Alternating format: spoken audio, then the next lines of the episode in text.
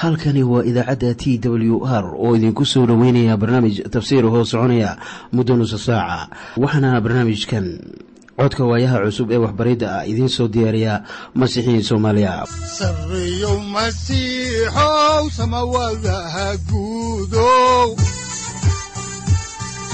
Siraadkii adduunkow subanaha eebow sareyow masiixow samawadaha guudow siraadkii adduunkow subanaha eebow adigoo samada jiro ifkaan soo saldhiganba adigoo samada jiro ifkaan soo saldhiganba kutubtiisanaye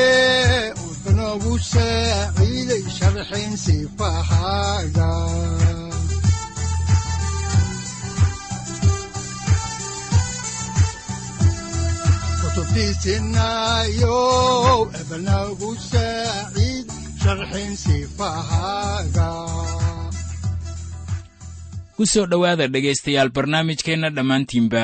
Waxaan horay u sii ambaqaadi doonnaa daraasaadkii la magac baxay baibalka dhammaantii waxaannu idiin sii wadi doonnaa caawa kitaabka xaakinnada oo ah kitaabka ku xiga kii yeshuuca oo aynu idiin soo gunaanadnay. Waxaannu caawa lafaguraynaa cutubka koowaad ilaa iyo cutubka saddexaad aayaddiisa kow iyo tobanaad. Kitaabkan wuxuu ka hadlayaa xaakinnadii saddex iyo tobanka ahaa ee ka dambeeyey hoggaamiyihii yeshuuca ahaa ee reer banu israa'iil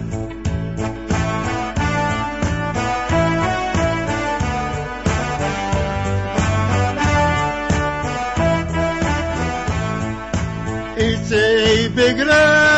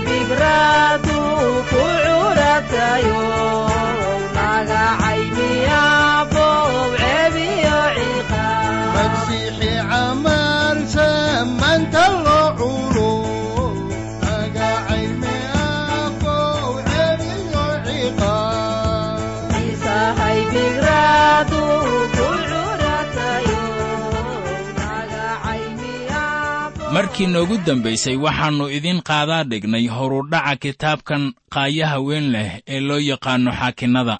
Waxaan garanaynaa in dhibaatida iyo rafaadku ay dadka ilaah u soo dhoweeyaan raaxada iyo barwaaqaduna ay kaga dheeraadaan ilaah. Haddii taasi aad ka shakisan tahay dhegaystow ayaannu kugu adkaynaynaa inaad haatan dabadeed casharadan aynu ka soo xiganayno kitaabka xaakinnada aad inala dhegaysato mawduuca cutubkan koowaad ee kitaabka xaakinnada iyo weliba kan labaad waxa weeye bilowga wakhtigii xaakinnada. Waxaa laynoogu sheegayaa cutubyadaasi sagaal qabiil oo ka tirsanaa laba iyo tobanka qabiil oo ku guuldarraystay inay ka guulaystaan cadaawaha oo ay ka saaraan dhulka ilaah uu siiyey. Saddex qabiil ayaan laynoo sheegin kuwaasina waxa weeye reer ruben reer isakaar iyo reer gad. Waxaase loo qaadan karaa in qabiiladaas xitaa ay ku guuldarraysteen inay cadaawayaashooda ka saaraan dhulka ay dhaxalka u heleen. Qabiil waliba waxa ay ahayd in cadow qaas ah uu iska caabiyo. Marka halkan laga heli maayo wakhti ay qabiilka oo dhan cududooda isugu geeyaan hal cadow. Itaaldarrida qabiilada ayaa markii ugu horraysay lagu muujinayaa aayadda koowaad ee cutubkan halkaasoo reer yuhuuddah ay caawimaad weyddiisanayaan reer simecoon si ay dagaal ula qaadaan. Iminkase waxaynu eegaynaa maaddada qusaysa xaaladdii israa'iil kadib markii yeshuuca uu dhintay. Si bal aynu xaalkaasi wax kaga ogaanno ayaa waxaa habboon inaan isla eegno aayadda koowaad ee kitaabka xaakinnada cutubkiisa koowaad. Waxaa qoran sida tan markii yeshuuca uu dhintay dabadeed ayay reer banu israa'iil rabbiga weyddiiyeen oo ay yidhaahdeen yaa marka hore xagga reer kancaan noo horkici doona oo noo dagaalgeli doona. Haddaba itaaldarrida qabiilooyinka reer banu israa'iil waxaa laga arki karaa erayga ah yaa noo kici doona. Waxay rabbiga weyddiisteen waxa ay samaynayaan iyo kan dagaalka u hoggaamin doona marka ay reer kancaan la dagaalamayaan reer kancaan waxay dhulka u degganaayeen si xoog leh waayo reer banu israa'iil way awoodi waayeen inay dhulka ka saaraan. Waxaanay ku noqdeen qodax ku taagan wakhtigii boqor saa'uul iyo boqor daa'uud ay xukumayeen dhulka reer banu israa'iil. Haddaan xigashada halkaasi ka sii wadno ayaa waxaa ku qoran aayadda labaad sida tan. Markaasaa rabbigu wuxuu ku yidhi reer yuhuuddah ha baxeen oo anna dalka gacantoodan geliyey reer kancaan ayaa waxay sida abbaarta ah ahaayeen cadowga muuqda sidaan arkayno. Haddaan halkaasi ka sii wadno xigashada kitaabka xaakinnada cutubka koowaad aayadda saddexaad ayaa waxaa ku qoran sida tan. Markaasaa reer yuhuuddah waxay ku yidhaahdeen walaalahood reer simecoon kaalaya oo markayaga na raaca aynu la dagaalanno reer kancaane oo annana sidaas oo kale markiinaan idin raaci doonnaa. Markaasay reer simecoon raaceen ugu horraynta waxay tanu u muuqataa iskaashi wanaagsan oo dhex maraya reer yuhuuddah iyo reer simecoon kaasuna iskaashi wuu ahaa laakiin wuxuu kaloo ahaa calaamad muujinaysa itaaldarro qabiilka reer yuhuuddah ma ahayn inuu innaba caawimaad weyddiisto qabiilka reer simecoon si ay ula eryaan reer kancaan marka ay u dagaalamayaan dhulkooda caawimaadda rabbiga aawadeed ayaa waxaa hubaal ah in reer yuhuuddah ay ka adkaanayaan cadowgooda. Caawimaadda ay weyddiisteen reer simecoon aawadeed ayaa waxaa caddaan ah in reer yuhuuddah ayaan gebi ahaanba ka saari doonin dalka reer kancaan. Haddaan horay idinku sii wadno xigashada kitaabka oo aannu eegno xaakinnada cutubka koowaad aayadda afaraad ayaa waxaa qoran sida tan kolkaasay reer yuhuuddah tageen oo rabbiguna wuxuu gacantoodii geliyey reer kancaan iyo reer feris oo waxay besakh kaga laayeen toban kun oo nin. Waxay markaasi kula noqonaysaa kadib tallaabadan koowaad ee ay guusha ka heleen reer kancaan in reer yuhuuddah kalsooni ay yeelanayaan oo ah in rabbigu uu dalkooda soo gelin doono gacantooda. Haddaan horay idinku sii wadno xigashada waa xaakinnada eh ayaannu iminkana hoos ugu dhaadhacaynaa cutubka koowaad aayadaha sagaal ilaa kow iyo toban waxaana qoran sida tan. Oo dabadeedna reer yuhuuddah waxay u kaceen inay la diriraan reer kancaankii degganaa dalkii buuraha lahaa iyo kuwii xagga koonfureed iyo kuwii degganaa dalkii dooxada ahaa. Oo reer yuhuuda waxa ay ku duuleen dalkii reer kancaan oo degganaa xebroon oo waagii hore xibroon waxaa la odhan jiray qiryad arbac oo waxay laayeen sheeshay iyo axiiman iyo talmay oo intay halkaasi ka tageen ayay dadkii degganaa dabiir ku duuleen oo waagii hore dabiir magaceedu wuxuu ahaa qiryad sefer. Magaalada dabiir waxay ahayd xarun dhaqameed ay lahaayeen reer kancaan waxaana macnaha magaaladu uu noqonayaa magaalada kitaabada. Waxaan qiyaasayaa in halkaasi ay ku yaalleen laybareeriyo haddaan horay idinku sii wadno xigashada oo aannu eegno kitaabka xaakinnada cutubka koowaad aayadaha laba iyo toban ilaa saddex iyo toban ayaa waxaa qoran sida tan. Markaasaa kaaleeb wuxuu yidhi kii la dirira khiryad sefer oo qabsada kaas waxaan u guurin doonaa gabadhayda. Cagsaah markaasaa cotni'eel inakhenes kaasoo ahaa kaaliib walaalkiisii yaraa inankiisa ayaa magaaladii qabsaday markaasuu wuxuu u guuriyey gabadhiisii cagsaah reer banu israa'iil waxay sidaan halkan ku arkayno qabsanayaan dalka buuraha leh waxayna haysteen wakhti dheer. Dhulka hoobadka ah ee u dhexeeya dalka buuraha leh iyo xeebaha ayaa wuxuu noqday meel dagaal joogto ahi uu ku dhex mari jiray reer banu israa'iil iyo reer kancaan. Haddaba markii reer banu israa'iil ay soo degeen dhulkii la ballanqaaday ayaa waxaa halkaasi ka jiri jiray jarribaad reer banu israa'iil ay ugu dhowaanayeen reer kancaan si ay diimahooda u qaataan. Sidaan aragnayba reer kancaan waxay lahaayeen diin aad u xun oo aan ku dhisnayn damiir wanaagsan. Reer banu israa'iilna waxay ku dhaceen asnaam caabud iyo inay ilaah ka dheeraadaan. Haddaba waxaan qidcadan ku arkaynaa mid waliba ee qabsada caasimaddaasi inuu helayo abaalgud waxaana hadiyaddu ay noqonaysaa gabadha kaaleeb oo la yidhaahdo cagsaah waxaa markaasi guursanaya codni'eel oo isagu ahaa wiil adeer uu u ahaa ee uu dhalay walaalkii ka yaraa laakiin markii uu guursado codni'eel wuxuu noqonayaa wiil uu sodog u yahay. Waxaa codni'eel loo doortay kol dambeeto inuu xaakin noqdo iyadoo ay ugu wacan tahay xidhiirka sokeeye ee ka dhexeeyey isaga iyo kaaleeb dad fara badan ayaa maanta waxay hayaan jagooyin sare iyagoon ku gaarin awooddooda laakiin ku helay qabyaalad ama marxalado sida geesinimo ay muujiyeen ama wixii la halmaala.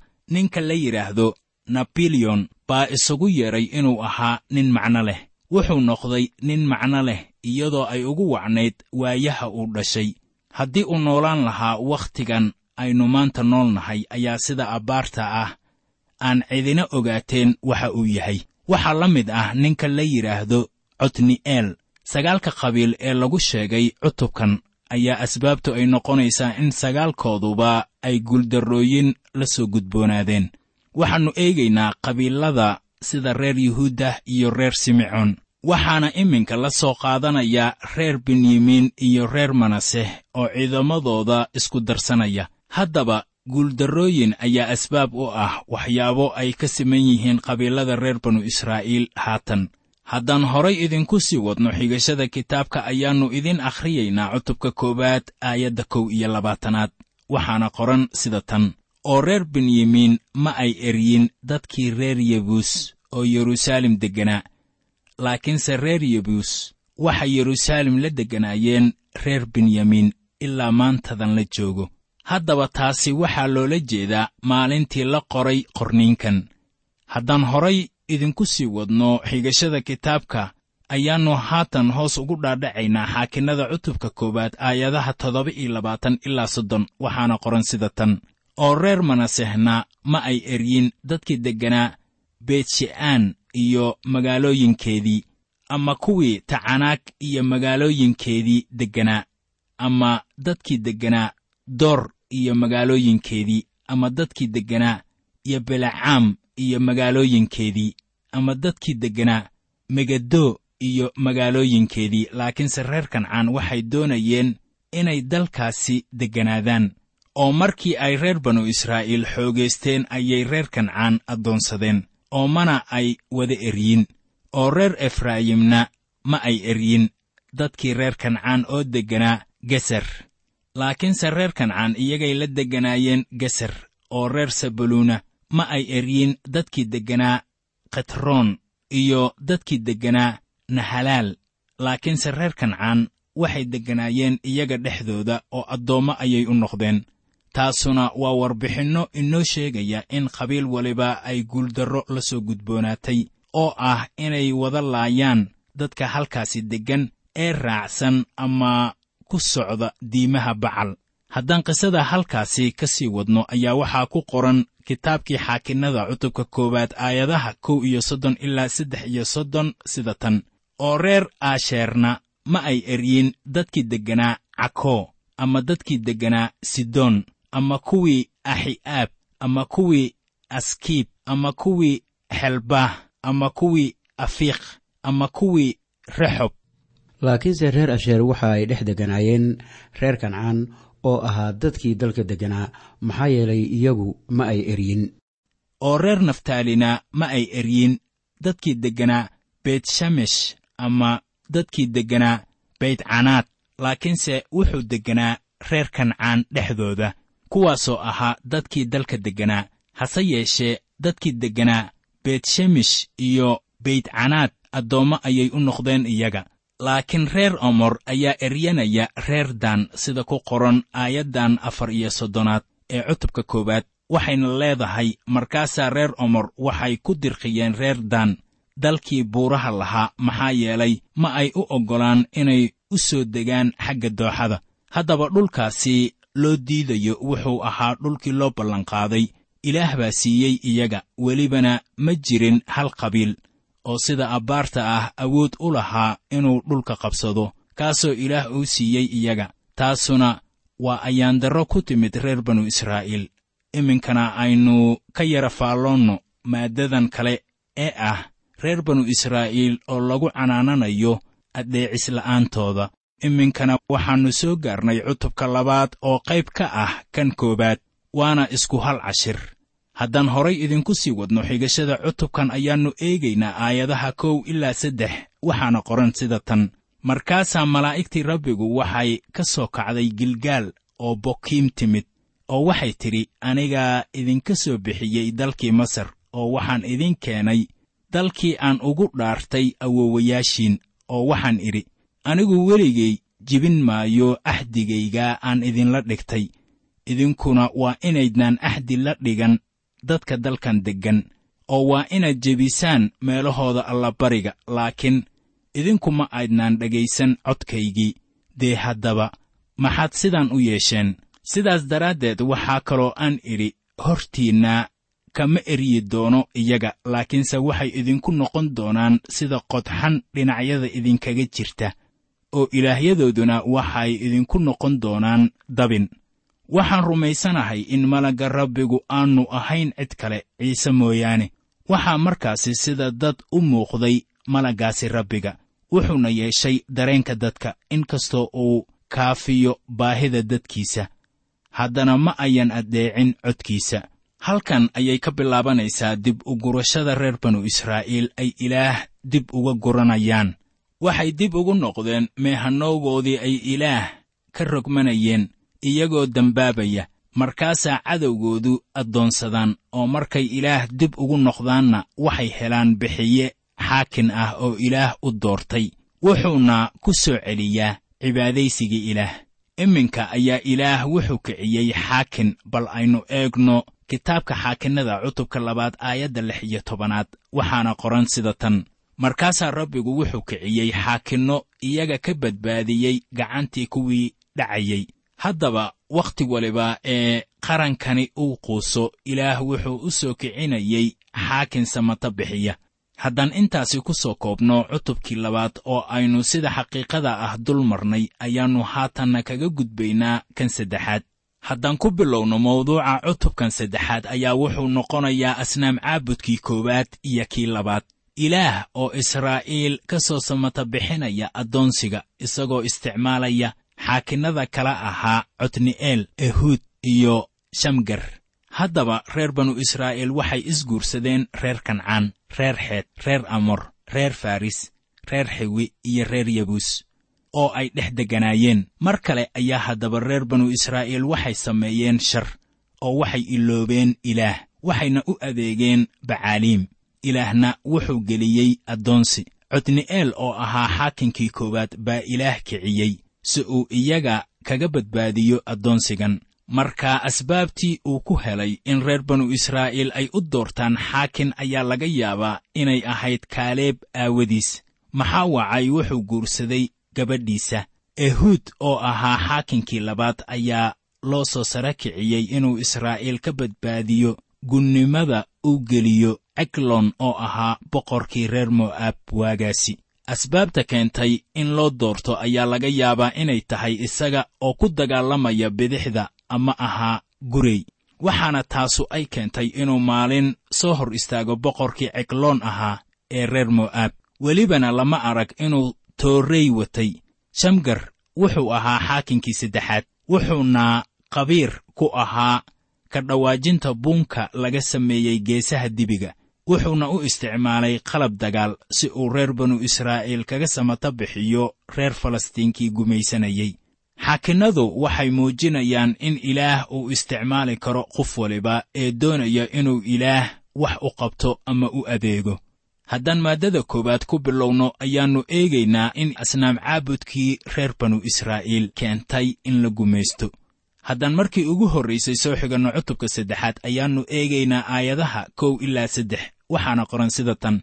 Haddaba kuwanu waa quruumihii rabbigu uu u daayey inuu reer banu israa'iil ku tijaabiyo oo waxay ahaayeen in alle intii aan ogeyn dagaalladii reer kancaan oo dhan inay reer banu israa'iil ogaadaan oo uu iyaga baro dagaal ayaan waxba ka aqoon jirin oo kuwaasu waxay ahaayeen shantii amiir oo reer falastiin iyo reer kancaan oo dhan iyo reer sidoon iyo reer xiwi oo degganaa buur lubnaan iyo tan iyo buur bacal xermoon iyo tan iyo meesha laga galo xamaad waxaan halkan ku arkaynaa in reer banu israa'iil ay isguursanayaan reer kancaan reer xiwi reer amor reer faris iyo reer yabuus. Waxay guursadeen qabiiladii waddanka degganaa oo dhan weliba waa kuwii ilaah uu ka xarrimay inay guursadaan. Haddaan horay idinku sii wadno xigashada oo aannu eegno sida ay isku guursanayeen reer kancaan iyo reer banu israa'iil ayaannu eegaynaa kitaabka xaakinnada cutubka saddexaad aayadaha shan ilaa toddoba waxaana qoran sida tan. Oo reer banu israa'iil waxay dhex degeen reer kancaan kuwaas oo ahaa reer xeed iyo reer amor iyo reer faris iyo reer xiwi iyo reer yabuus oo gabdhahoodiina way ka guursadeen oo kuwoodiina wiilashoodii bay u guuriyeen oo waxay u adeegeen ilaahyadoodii oo reer banu israa'iil waxay sameeyeen wax rabbiga hortiisa ku xun oo rabbiga ilaahooda ahna way iloobeen wayna u adeegeen bacaaliimkii iyo geedihii asheeraah intii ay waddanka ka saari lahaayeen reer kancaan ayay reer banu israa'iil isdhex galeen quruumihii karaahiyada ahaa ee aan garanaynin ilaaha baaqiga ah. Intii ay sii wadan lahaayeen rumaysadkooda iyo caabudistooda waxay isguursanayeen reer kancaan waxayna qaateen diintooda. Reer banu israa'iil waxay ku dhaceen ama galeen wakhti kaafirnimo ah haddaan xigashada halkeedii idinka sii wadno ayaa waxaa ku qoran aayadda siddeedaad ee cutubkan saddexaad sida tan. Sidaas daraaddeed carradii rabbiga aad bay ugu kululaatay reer banu israa'iil oo wuxuu iyagii ka iibiyey boqorkii mesobotamiya oo ahaa kuushan rishcaatayim oo reer banu israa'iil waxay kuushan rishcaatayim u adeegayeen siddeed sannadood. Haddaba reer banu israa'iil iyadoo ay ugu wacan tahay asnaam caabudistooda ayaa la edbinayaa ilaah wuxuu ka iibiyey rishcaatayim ilaa iyo siddeed sannadood. Markaasaa la xasuuqay ilaa ay gaadheen heer ay ilaah caawimaad iyo nasteexo weyddiistaan iminkana aynu eegno maaddadan ka hadlaysa codni'eel oo ahaa xaakinkii ugu horreeyey reer banu israa'iil.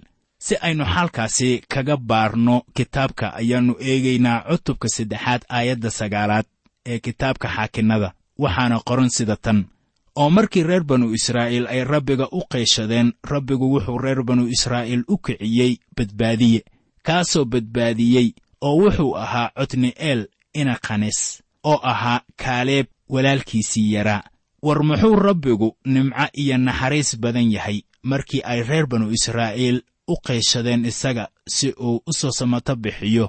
Wuxuu siiyey codni'eel inuu ahaado xaakinkooda koowaad haddaan xigashada halkeedii ka sii wadno ayaannu iminkana eegaynaa cutubka saddexaad aayadaha toban ilaa kow iyo toban. Waxaana qoran sida tan oo kaas waxaa ku soo degay ruuxa rabbiga oo wuxuu xukumi jiray reer banu israa'iil. Dagaalna buu u baxay oo rabbiguna wuxuu gacantiisii u geliyey boqorkii mesobotamiya oo ahaa kuushan rishcaatayim oo isna wuu ka gacan sarreeyey kuushan rishcaatayim markaasaa dalkii xasiloonaa afartan sannadood oo cotni'eel inakhanes wuu dhintay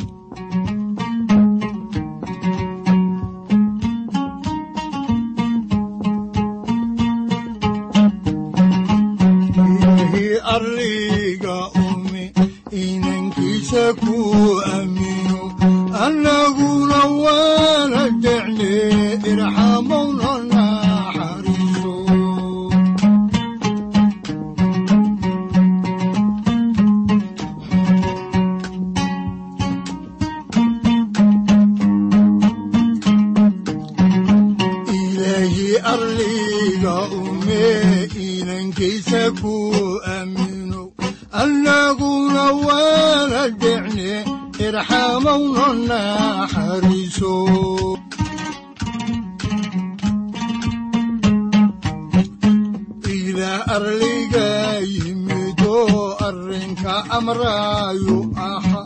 Iminka ayaan ogane irxamowna naxariiso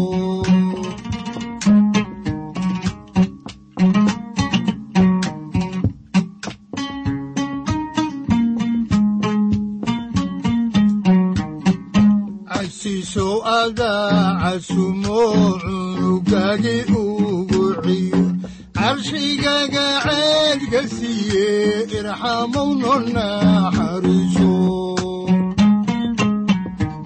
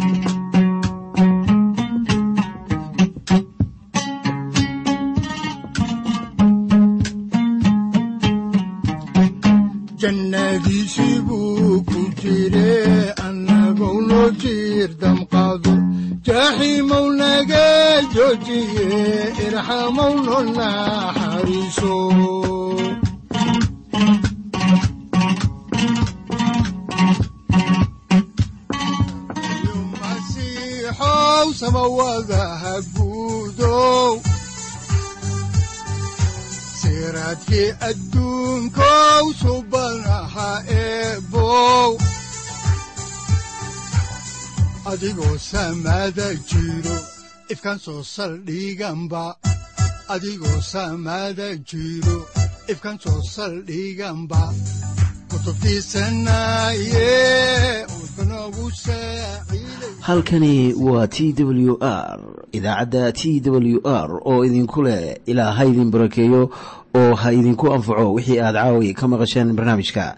Waxaa barnaamijkan oo kalea aad ka maqli doontaan habeen dambe hadahan oo kale haddiise aad doonaysaan in aad fikirkiina ka dhiibataan wixii aad caawi maqasheen ayaad nagala soo xiriiri kartaan som t w r at t w r c o k e haddii aad doonaysaan in aad dejiisataan oo kaydsataan barnaamijka ama aad mar kale dhegaysataan fadlan mar kale booqo www t w r o r g amase www t t b t w r o r g amase waxaad teleefoonkaaga ku kaydsataa ama ku download garaysataa agabyada ku sahli karaa dhegeysiga t w r haddii aad doonayso in laga kaalmeeyo dhinacyada fahamka kitaabka amase aad u baahan tahay duco fadlan fariimahaaga soo mari bogga aaraahda ama kommentska inana jawaab degdeg ah ayaanu ku soo diri doonaa amase ku siin doonaaye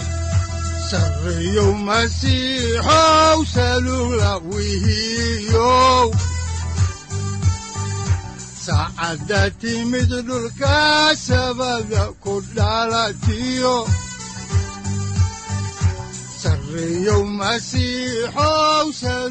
halkani waa t w r oo idiin rajaynaya habeen baraare iyo barwaaqaba leh. Inta aynu ka gaari doono wakhti aynu ku kulanno barnaamij la mida kan caawayay aad maqasheen. Waxa aan idinku leeyahay nabadda ciise masiix ha idinku badato xagga jidhka iyo ruuxaba. Aamiin